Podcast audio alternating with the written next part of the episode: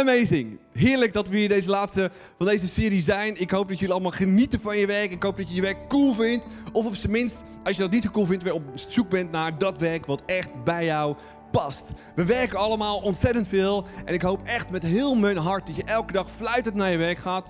Je groeit, je bloeit en echt geniet van wat God door je heen aan het doen is. Het eerste topic wat we in deze serie aangesneden hebben is om te zien waar God jou voor gemaakt heeft. God heeft je gaven, talenten, een persoonlijkheid gegeven. En die combinatie, die vorm die God jou gegeven heeft, past niet in elke puzzel. Bij elke baan. Zorg dat je weet, hey, waar en past mijn vorm bij. Het tweede topic wat we gezien hebben is hoe je wijze beslissingen maakt op je werk. We moeten allemaal wijze beslissingen maken. Of je nou heel veel leiderschapspositie hebt en verantwoording of helemaal niet. We moeten allemaal keuzes maken. En hoe maak je nou wijze besluiten, hebben we gezien. Het derde topic was, hoe blink je uit op je werk? Zitten die mensen die echt uit willen blinken op hun werk? Ja, ik wil echt uitblinken op mijn werk. Ik wil altijd de beste zijn. Sorry voor de mensen in deze kerk die er een beetje soms gek van worden. Uh, maar ik hou van excellentie. Ik hou van mooi. Ik hou van kwaliteit. En ik hou van dat mensen zeggen, woe, amazing. En ik geloof ook met heel mijn hart dat God dat fantastisch vindt als we het beste geven. Vandaag willen we het hebben over het topic teamwork. Teamworks make the dream work, right? En dat is waar we het over hebben. Maar teamwork is altijd niet altijd het allermakkelijkste. Laat me je een coole anekdote geven over uh, hoe het leven een beetje in elkaar uh, steekt. Uh, wil, je, wil je hem echt horen? Ja, super nice. Uh, er was een verhaal uh, dat God de hemel en de aarde en de mensheid schaapte op een iets andere manier dan dat je misschien gewend bent. Hij schiep de hond op de eerste dag. En hij zei tegen de hond: Ik geef je 20 jaar om te leven. En wat je in die 20 jaar moet doen is voor al die mensen die voorbij komen, blaffen. Alsof je heel erg boos bent. En de hond zei, ja, 20 jaar, dat vind ik wel heel heftig. Ik geef je 10 terug, geef mij maar 10. En God zei, deal. En toen op de tweede dag schiep God de aap. Hij zei, aap, ik wil dat je je hele leven lang gekke kunstjes doet, in bomen gaat slingeren, waarvan mensen denken, oeh, wat een eigenaardig ding, maar wel heel erg leuk en schattig. Ik geef je 20 jaar om dat te doen. En die aap zei, ja, 20 jaar, 20 jaar is wel heel, heel, erg. 10 is oké. God zegt, deal. En tegen God, God zei tegen de koe, Jouw taak op de aarde is heel veel gras te eten, dat heel heftig te verteren, keihard te werken in die bloedhete zon, heel veel melk te geven. En dat doe je 60 jaar. zei de koe, dat 60 jaar is wel heel erg veel. Ik geef je 40 terug en ik doe dit 20 jaar. De vierde dag schiep God de mens. En God zei, ik geef je 20 jaar. En de mens wordt heel boos. 20 jaar, ben je nou helemaal gek? En de koe krijgt 40 en die krijgt dat en ik krijg maar 20. Ja, en in die 20 jaar moet je opgroeien, moet je bloeien, moet je trouwen, als een kind zijn en genieten van het leven. Uh, eh, 20 jaar, vind ik veel te kort. Weet je wat? Uh, geef mij die, geef mij die uh, 10 van die hond, geef mij die 10 van die aap terug en geef die 40 van die koe allemaal mij. Bij elkaar opgeteld is dat 80 jaar. En God zegt, deal! Maar dan moet je wel het volgende doen. De eerste 20 jaar van je leven ben je als een kind heel speels. Ga je lekker groeien en bloeien en opbloeien. En ga je trouwen. Maar de volgende 20 jaar moet je werken als een koe. Dat je erbij neervalt. Werken in de zon. Melk geven. Werken dat je erbij neervalt. En als je dan klaar bent. Dan mag je heerlijk als een aap je kleinkinderen vermaken met allemaal kunstjes en leuke dingen. En als je daar klaar mee bent, mag je de laatste tien jaar voor het raam gaan zitten en al die mensen die voorbij komen afblaffen. nou, ik hoop dat je het een cool verhaal vindt. Dat is het leven in de notendop. En eigenlijk, als ik naar mijn open hopen kijk, klopt het wel een beetje. nou, het leven is soms heel erg taf. Het leven is soms heel erg gek. Maar wat God wil, is dat we echt genieten van teamwork. Teamwork makes the dream work. En God wil ook dat je echt een verschil uitmaakt in je leven. En de eerste gedachte van vandaag is: ik wil een verschil maken. En de vraag aan mij is dus eigenlijk, als je naar je week gaat, wil je ook echt een verschil uitmaken? En wil komt echt? Ja, komt hier vandaan.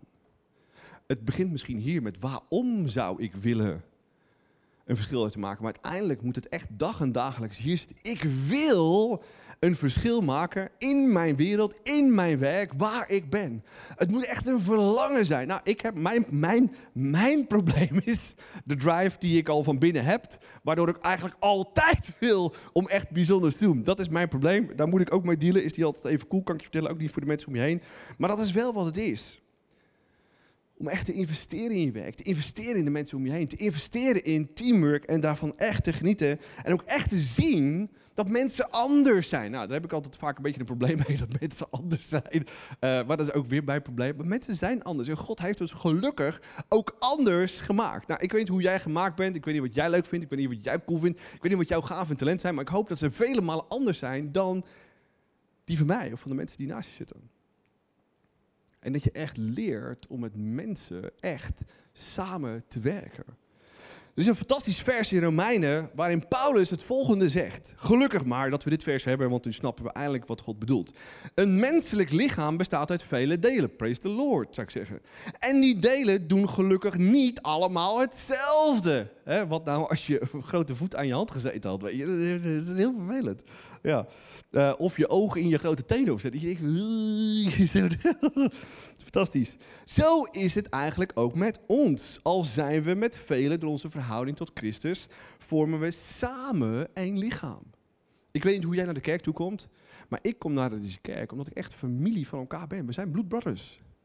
Verbonden door het bloed van Jezus. Ik hou van mijn eigen gezin. Uh, met broers en zussen, vaders en moeders. En gelukkig maken ze ook bijna allemaal deel uit van deze kerk. Maar het is deze geestelijke familie die, die, die ook in de eeuwigheid nog blijft bestaan. Nou, we zijn dus stuk voor stuk leden van dat lichaam. We horen bij elkaar. De gaven die God ons gegeven heeft zijn verschillend. De gaven die God je in nature ingelegd heeft, zijn gelukkig anders als die ik heb. Die zijn anders als je buurman of buurvrouw. En God heeft ze anders gemaakt, zodat de wereld veel meer geur, kleur en smaak heeft. Praise the Lord, toch?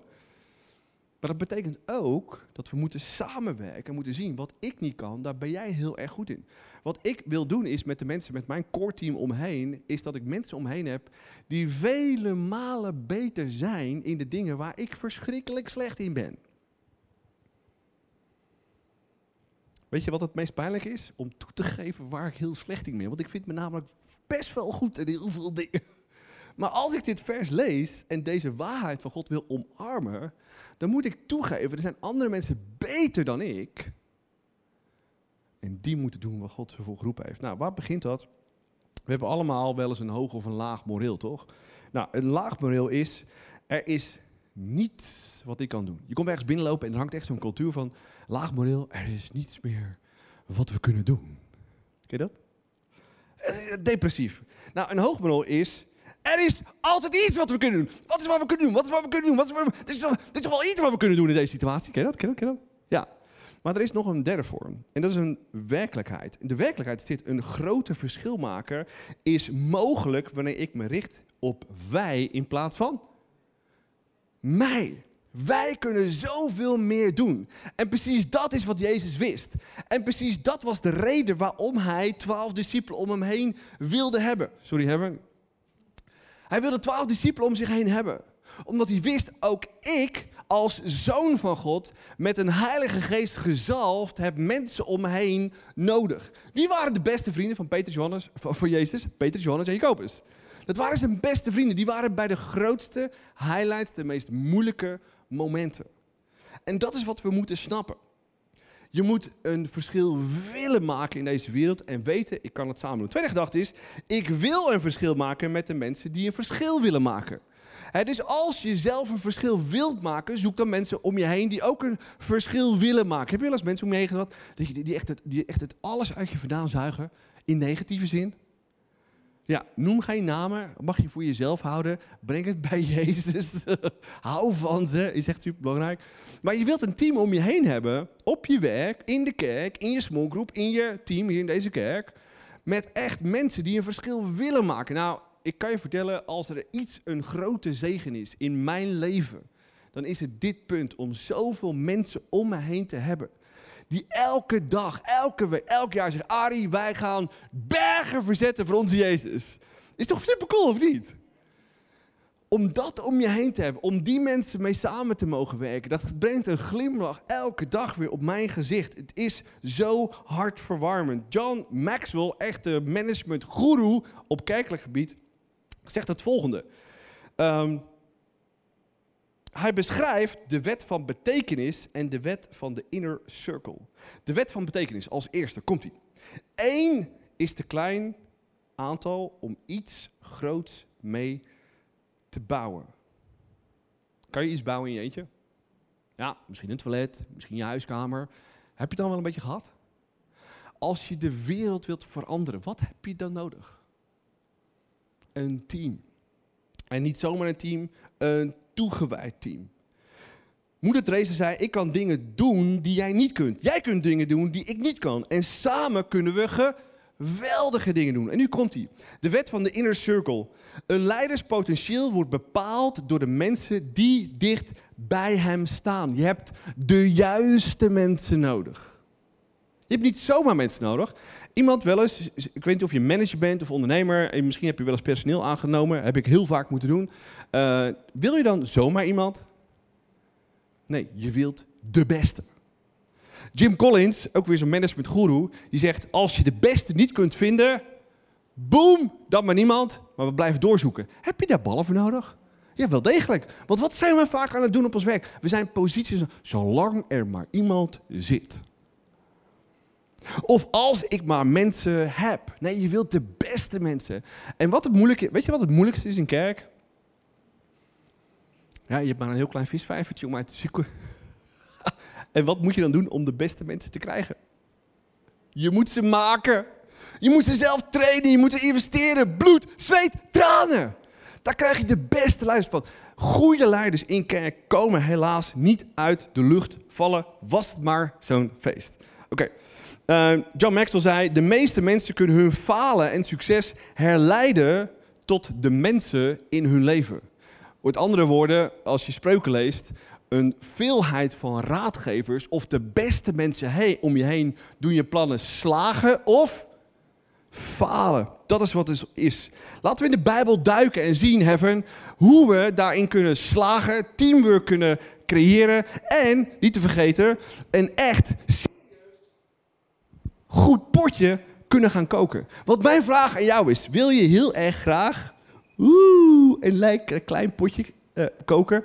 Of zeg je nee, ik wil voor mijn Jezus op mijn werk echt bergen verzetten, uitblinken, waanzinnige dingen doen en echt genieten van wat het betekent.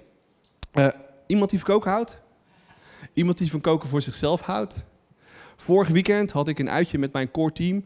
Uh, ik hou van koken voor mijn gezin, vijf man, maar toen moest ik voor tien man koken.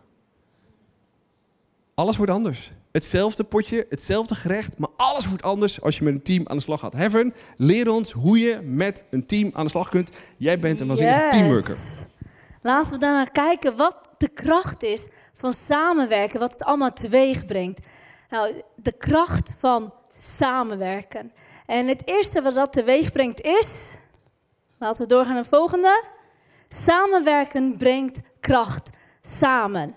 En de beste manier om zelf sterker te worden is door met de juiste mensen om te gaan. Dat is hoe jij sterker kan worden. En in Exodus 17 staat een fantastisch verhaal daarover. Hoe je ziet dat doordat de mensen samenwerken, ze sterker worden. En we lezen het verhaal van Mozes en zijn broer Aaron en zijn vriend Hur.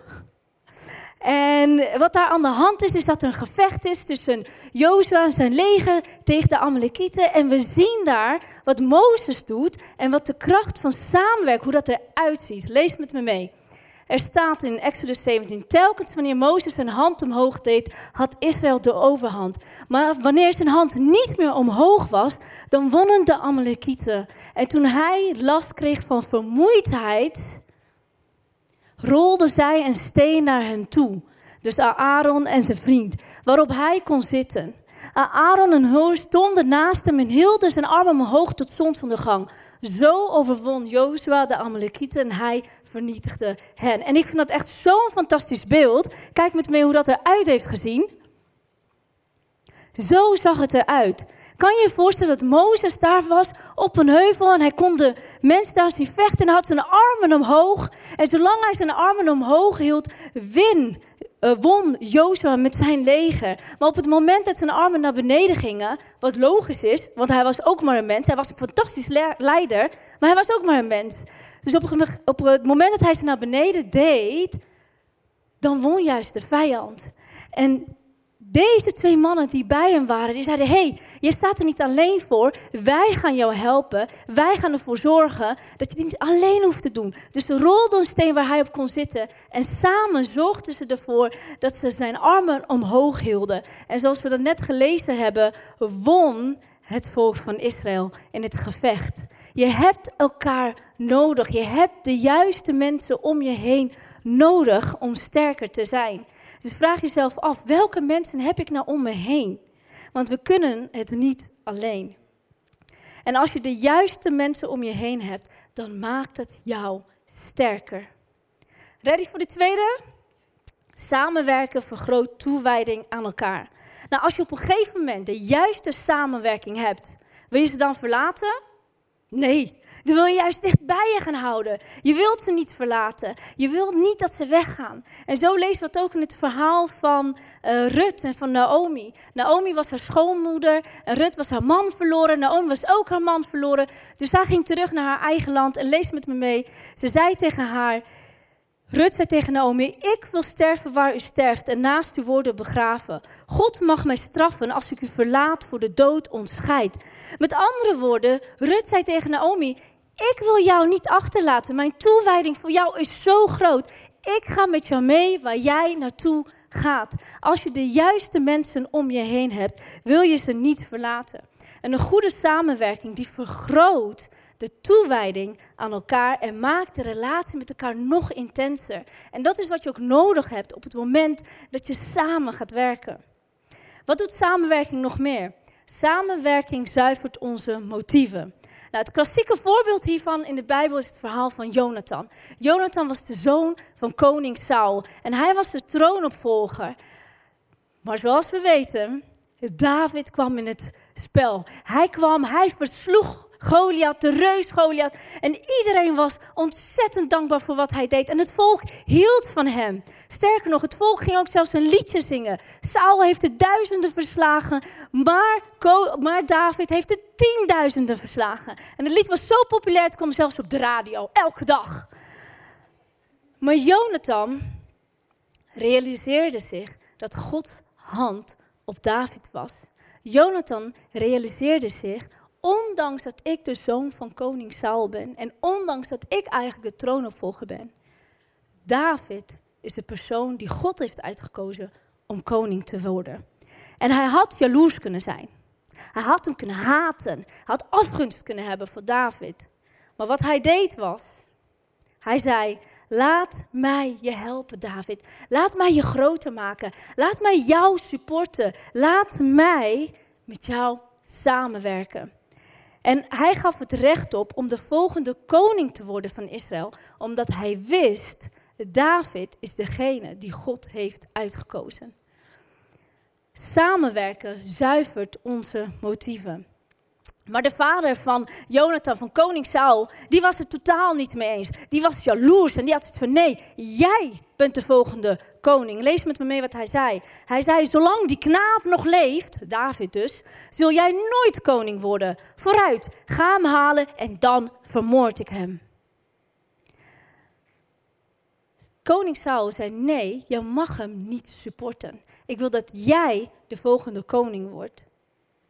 Maar, maar Jonathan zei, dat, dat doe ik niet. Dat doe ik niet. Want hij is de juiste persoon. Ik wil met hem samenwerken. Samenwerken zuivert je motieven. Het zorgt ervoor dat je geen jaloezie hebt. Het zorgt ervoor dat je de afgunst aan de kant kunt zetten, zodat je iemand anders sterker kan maken. En er is iets met het dienen van anderen, waardoor je motieven gezuiverd worden. Er is iets met het zeggen van, ik wil jou groter maken. Ik wil jou supporten. Er is iets aan mee wat dan gebeurt met je ziel. En voor mij persoonlijk was dat op mijn werk toen een collega van mij een locatiecoördinator werd. En mijn eerste gedachte was eigenlijk, oh, maar ik heb eigenlijk veel meer ervaring. Ik werk veel langer, ik ben veel ouder, ik heb veel kennis. Mijn motieven waren niet juist. En ik realiseerde me dat en ik had zoiets van nee, ik wil niet negatieve motieven hebben. Ik wil juist de juiste motieven hebben, de goddelijke motieven. En ik wil samen met haar werken. Dus ik begon mijn gedachten daarin te veranderen. Ik wil jou supporten. Ik wil jou ondersteunen. Ik wil met jou samenwerken. Erin geloven dat jij een beste locatiecoördinator wordt. En daardoor was ik ook in staat om met haar samen te werken in plaats van tegen haar te werken. Dus samenwerken zuivert je motieven. Wees daar bewust van. Wat doet samenwerken nog meer? Waar zorgt het nog meer voor? Samenwerken versterkt nieuwe connecties. Met andere woorden, samenwerken brengt mensen samen.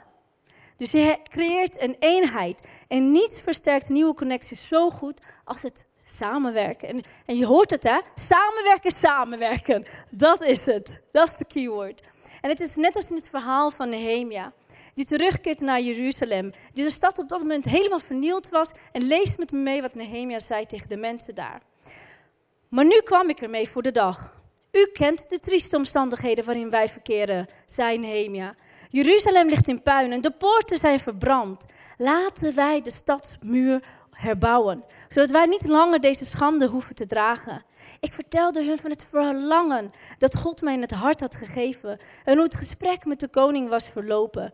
En wat zeiden de mannen? Goed, let's do this. We gaan ervoor. Wij zullen u helpen de muur te herbouwen. En vol ijver gingen zij aan de slag. En dit is een geweldig verhaal over hoe mensen samenkomen rond een visie en rond een gemeenschappelijke doel. En hetzelfde kan je ook creëren op je werk, maar ook hier in een in de kerk. Wanneer mensen samenkomen, dezelfde visie hebben, een gemeenschappelijke doel hebben, dan versterkt dat de connecties die je hebt. Zijn jullie ready voor die ene laatste? Samenwerken vermenigvuldigt onze effectiviteit. Nou, 1 plus 1 is 2. 1 plus 1 is 2. Maar op het moment wanneer wij op een bijbelse manier samenkomen, op het moment dat wij onze harten op hetzelfde doel hebben gericht, op het moment dat wij één worden van hart en van gedachten, dan telt het niet bij elkaar op, maar wordt het vermenigvuldigd. Lees met me mee in Leviticus, daar staat, vijf van u zullen honderd van hen achtervolgen en honderd van u zullen tienduizend van hen. U zult al uw vijanden verslaan. Want als we samenkomen, is er een vermenigvuldiging van energie en van kracht. Dus het telt niet bij elkaar op, maar het wordt juist vermenigvuldigd. En het laatste wat er gebeurt op het moment dat wij samenwerken, wanneer je ook echt de kracht van samenwerking ziet, is het getuigt van Gods liefde en zijn missie. En in Johannes 17 bidt Jezus voor de kerk. En hij staat op het moment te vertrekken en dan zegt hij: wat ik u vraag, is niet alleen voor hen. Het is ook voor de mensen die door hen in mij zullen gaan geloven. Ik vraag u, Vader, of zij net zo één mogen zijn als u en ik. U bent in mij en ik ben in u. Laat hen zo in ons zijn. Dan zal de wereld geloven dat u mij gestuurd hebt. Waarom wil Jezus dit? Dat wij één zijn. Staat daar in die laatste zin. Dan zal de wereld geloven dat u mij gestuurd hebt. Jezus wordt door ons heen zichtbaar. Hij zegt als we de wereld, als de wereld ziet hoe wij één met elkaar zijn, hoe we van Jezus houden en hoe we van elkaar houden, dan zal de wereld zien wie ik Jezus ben. We zien dus dat partnerschap ons ook echt helpt om verder te gaan, om te verenigen, om te verstevigen, om elkaar te versterken. Dus de vraag is, wil jij het verschil maken met mensen die ook het verschil maken? En ik wil je ook echt uitnodigen, maak ook die statement. Ik wil het verschil maken met mensen om me heen die het verschil willen maken. En de derde stap is, Arie, daar ga je ons meer over vertellen. Zeker, de, de, de derde stap is ook echt een verschil te willen maken in het werk wat je doet. Het verschil te maken in het wat je doet. Nogmaals, terug naar het potje koken. Nou, ik hou van koken. Voor mij is koken hetzelfde als het klaarmaken van een message. Het is creatief. Alleen zodra je dus van hetzelfde potje carbonara, wat ik heerlijk vind, wat ik echt op een Italiaanse manier doe met alleen maar de juiste ingrediënten, zeker geen room, zeker geen akelige dingen erin, maar alleen maar eigeel, alleen maar de juiste spekjes en alleen maar het vet van de spekjes en geen olijfolie, dan is hetzelfde potje naar een veel groter potje vele malen moeilijker. En dat is precies waar we het hebben over teamwork. Als je hetzelfde wil doen ten opzichte van alleen en met een team, wordt alles anders. Maar de uitkomst is ook totaal anders. Want zelf kun je misschien voor tien man koken, maar met een team kan je misschien wel voor duizend man koken. En precies dat is wat Jezus deed. En hij was ook heel erg gemotiveerd in datgene wat hij deed. Je moet iets doen dat een verschil maakt. Terug naar Jim Collins.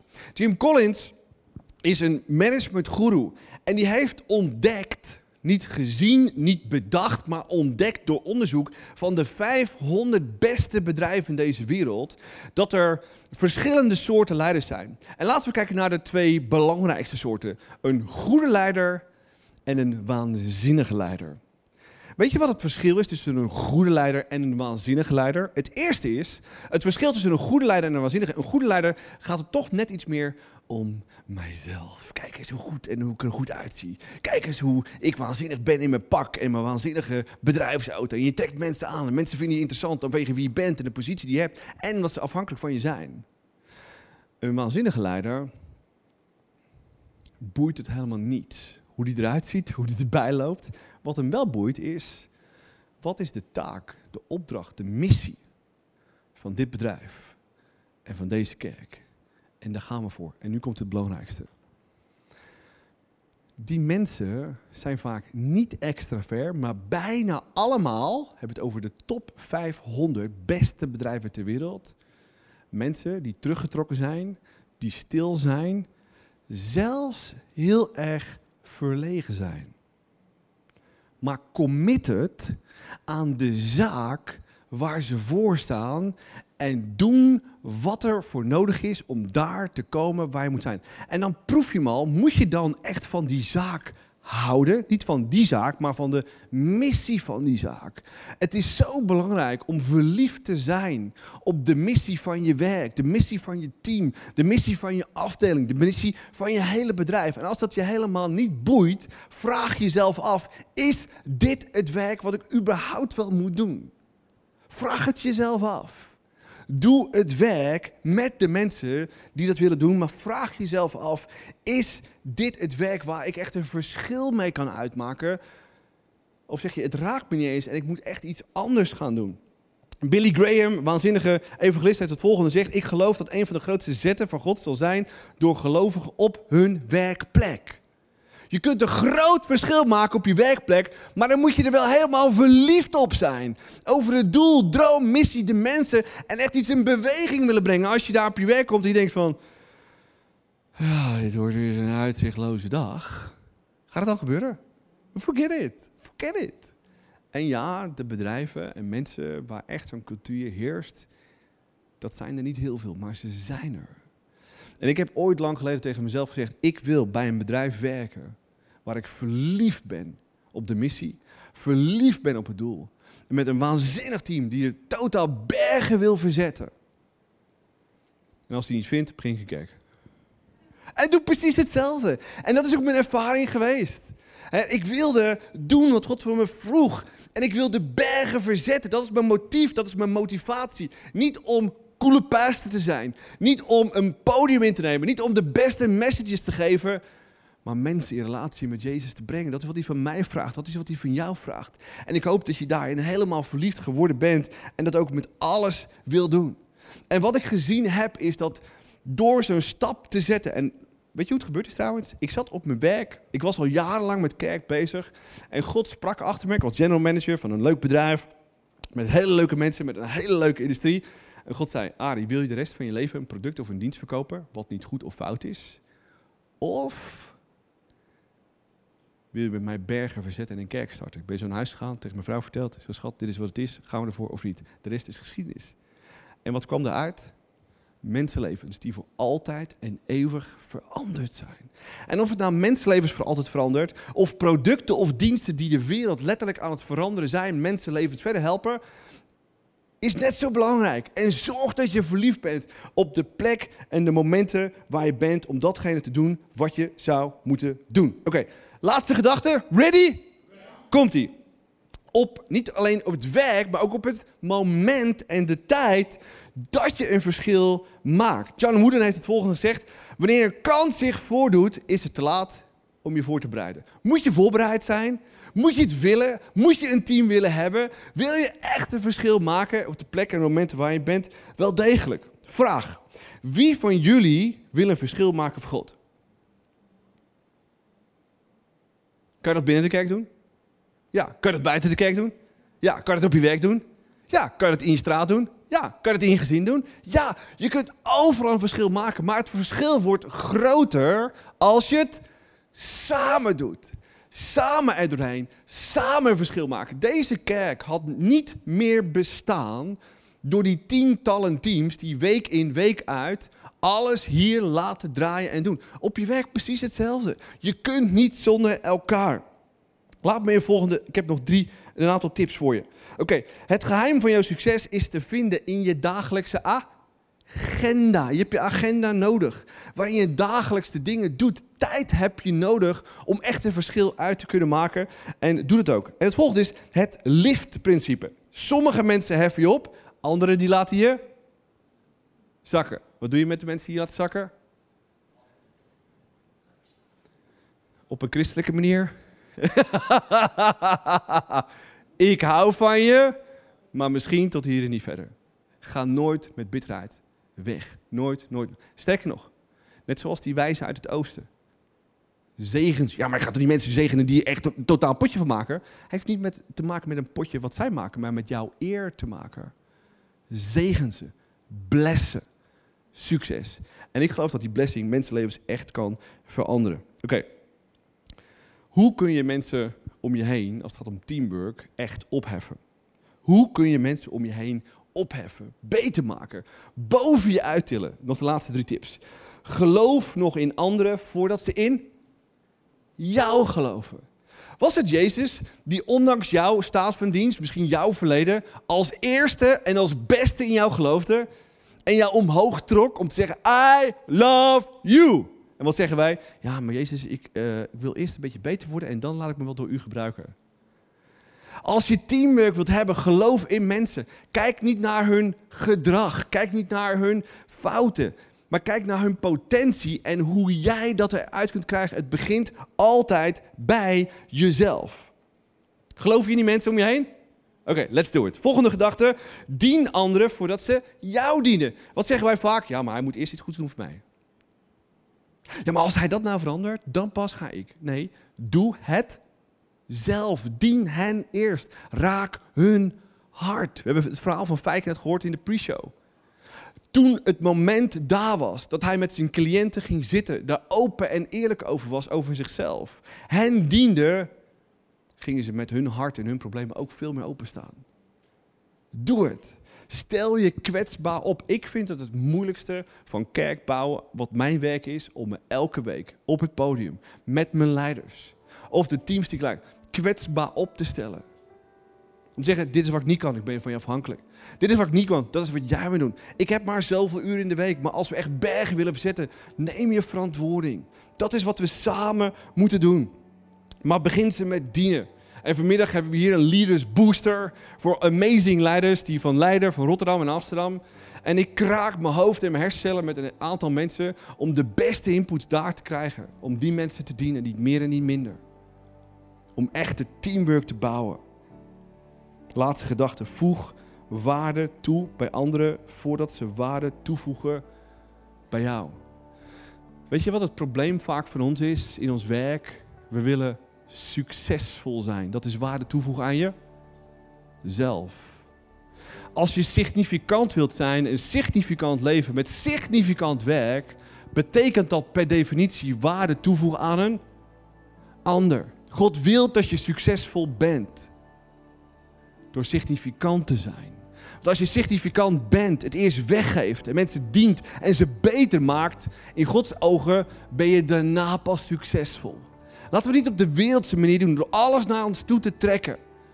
Maar het juist van ons af te duwen. Het beste aan de mensen om ons heen te geven. Vraag je af, wat heeft jouw team nodig? Hoe kan jij ze beter maken? Bloed, zweet, tranen.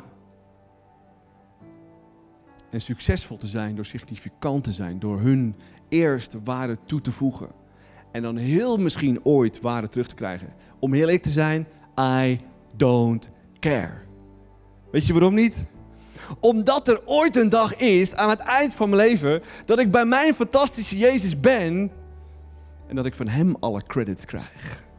En alle eer. En om heel eerlijk te zijn, vind ik de eer en de credits die hij mij gaf aan het kruis al meer dan genoeg. Dat maakt al zoveel in mij los.